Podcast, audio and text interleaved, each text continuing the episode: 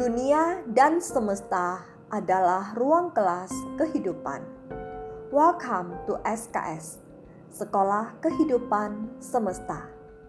Bersama saya, Jen Marilyn, teman seperjalanan Anda. Masih dalam episode cerita teman seperjalanan.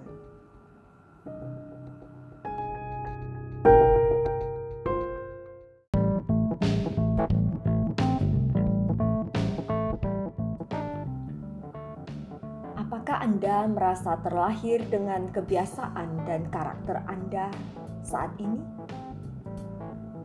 Ataukah Anda pernah merasa mengapa ya berulang kali serasa terjerat dalam masalah yang sama? Atau bahkan mengulang cerita yang sama dari kehidupan orang tua dan keluarga Anda, walaupun kita sudah berusaha menghindarinya kehidupan ini pun serasa seperti rangkaian cerita yang diputar ulang di dalam kehidupan Anda. Kita semuanya setuju ya kalau kita itu dilahirkan untuk sukses dan bahagia. Namun, sayangnya secara tak sengaja kita diprogram untuk gagal oleh lingkungan yang tidak tahu.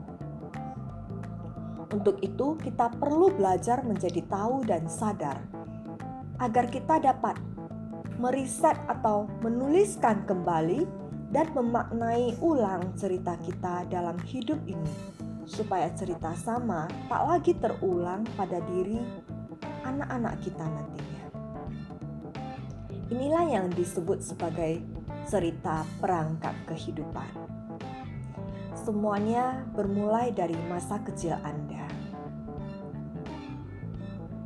Seringkali seorang ibu itu berjanji untuk berbicara baik-baik, tidak berteriak kepada anaknya. Tapi, apa yang mau dikata? Begitu ada sedikit masalah, spontan saja kemarahan dan kata-kata keras, kata-kata kasar, semua terlepas keluar dari mulut tanpa mampu dikendalikan. Kemudian akan berakhir dengan penyesalan.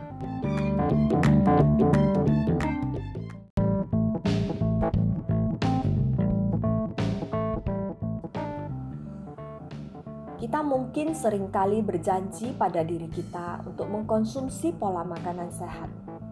Tetapi saat diajak teman untuk makan pizza, Seketika saja gambaran pizza yang lezat sudah menguasai seluruh bagian otak kita dan membuat kita langsung menyetujuinya. Sesampainya di tempat makan pizza, bukan hanya sepotong pizza yang kita makan. Bahkan mungkin semua menu dari awal hingga akhir akan masuk ke dalam perut kita. Setelah kenyang, akhirnya kita sadar dan kemudian menyesal mengapa tadi saya kurang bisa mengendalikan diri.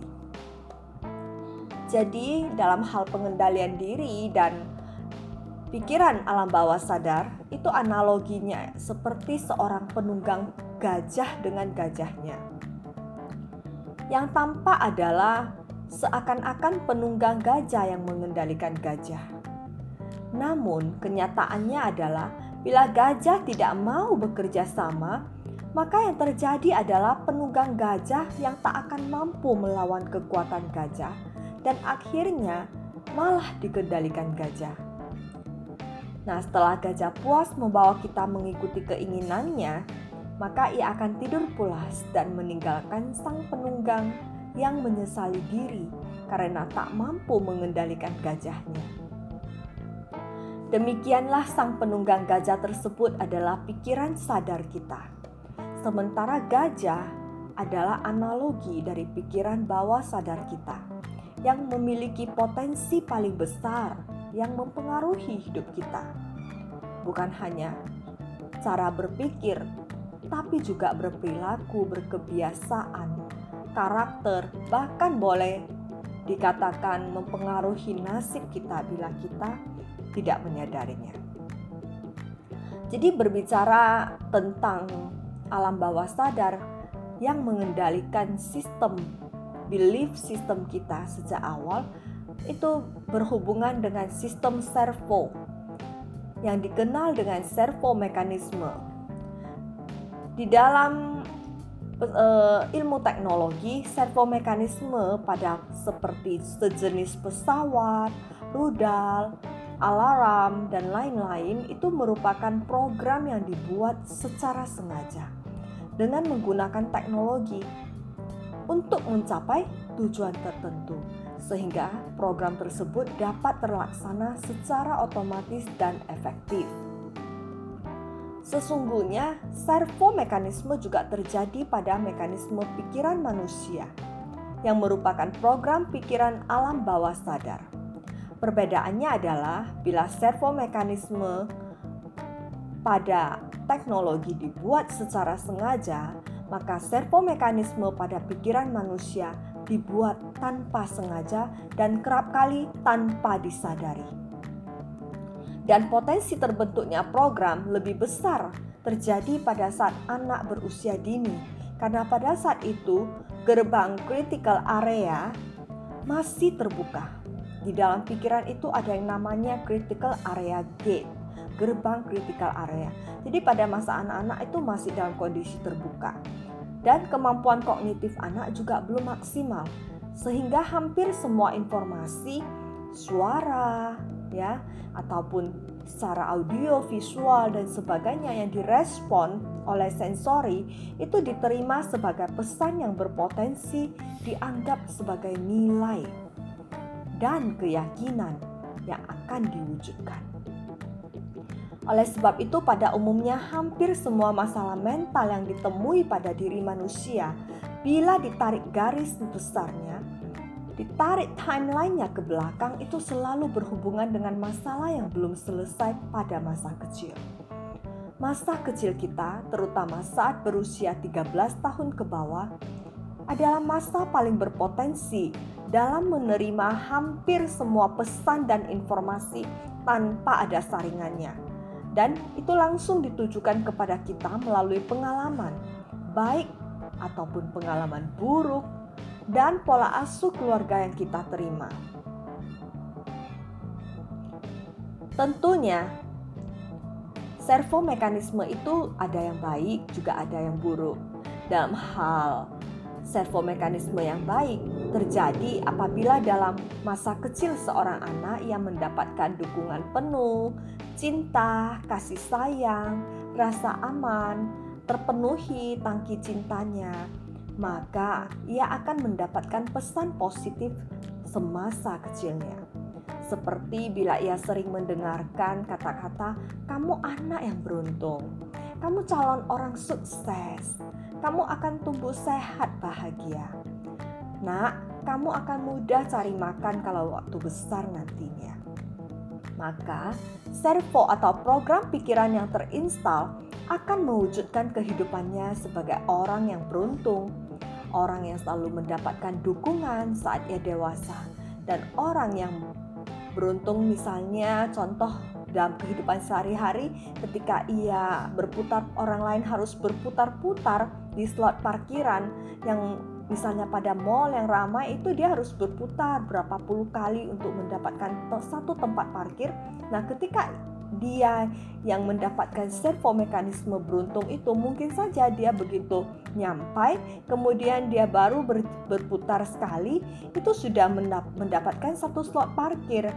Gitu. Jadi eh, hal-hal uh, yang secara kebetulan tapi memberuntungkan dia itu kerap kali akan dia temui misalnya juga ia akan gampang mencari uang walaupun dengan hal-hal yang paling sederhana sekalipun mungkin orang lain harus bersusah payah, tapi dia kok cepat dan sangat gampang. Di mana saja ia selalu menemukan makanan yang enak misalnya. Bahkan ketika ia sudah berganti banyak pembantu, tetapi pembantu yang dia dapatkan itu akan selalu bisa punya bakat memasak yang baik gitu. Apabila sang tuannya ini memiliki servo makan yang enak. Nah, jadi kalau misalnya kita berada di sebuah lingkungan dengan kondisi semua dukungan positif yang diberikan, maka mudah-mudahan apa yang diterima oleh pikiran bawah sadar kita juga adalah pesan-pesan yang positif, sehingga servo yang terbentuk akan membuat kita mengalami kehidupan yang positif. Hal ini tentu patut disyukuri. Tapi bagaimana halnya dengan servo yang buruk? Misalnya rekaman kejadian masa lalu yang kurang menyenangkan di dalam cerita kehidupan orang tua misalnya. Misalnya seorang anak yang selalu melihat pertengkaran orang tuanya atau melihat bagaimana perilaku kasar seorang ayah terhadap ibunya. Nah, jadi pernah dengarkan kalau misalnya ada cerita kita umpamakan seorang wanita yang berkali-kali kalau sudah pacaran ternyata sang pacar yang sudah dipilih diseleksi sebaik mungkin juga nantinya pada ujung-ujungnya itu ternyata adalah milik orang lain. Jadi kalau misalnya dia udah periksa nih KTP, udah diperiksa oh KTP masih single. ya, udah didatangi rumahnya, oh kosong, cuman sendirian. Kemudian dia sudah menetapkan pria ini sebagai kekasih hatinya. Kemudian dia menikah. Nah, setelah menikah, mungkin dia sudah menikah tiga bulan ataupun Ketika baru menikah, tenda biru baru dipasang, tiba-tiba ada tamu tak diundang yang mengaku sebagai istri pertama suami dari kampungnya. Bagaimana tidak terpukul wanita ini? Padahal setiap kali dia pacaran, dia selalu saja itu pacarnya orang. Setelah dia seleksi berkali-kali sampai dirasa sudah steril, ternyata yang dikunjungi itu ya tempat kosan ataupun ternyata rumah sewaan yang di kampung tidak dikunjungi. Ternyata ada istri pertamanya. Kemudian akhirnya nasib kembali mempersatukan ia dengan seorang pria yang juga ternyata seorang duda. Nah, setelah diteliti dan ditilik kembali ke belakang pada masa kecilnya, ternyata wanita yang merupakan anak ketiga dari tiga bersaudara ini selalu diberikan pakaian, mainan yang bekas milik kakak-kakaknya itu oleh orang tuanya. Dengan alasan sayang masih bisa dipakai. Nah, tanpa disadari, pikiran bawah sadar sang anak menerima informasi dan menyetujui bahwa dirinya memang hanya layak mendapatkan barang bekas. Maka setelah ia dewasa, bagaimanapun ia menjalin hubungan atau menikah, ia kerap mendapatkan calon suami ataupun suami yang notabene adalah bekas milik orang lain. So, be careful para uh, orang tua atau parents yang merasa akan memberikan sesuatu kepada anaknya itu jangan sampai pemberian itu memberikan pesan yang negatif di dalam pikiran anak. Hal ini memang terlihat sangat ajaib.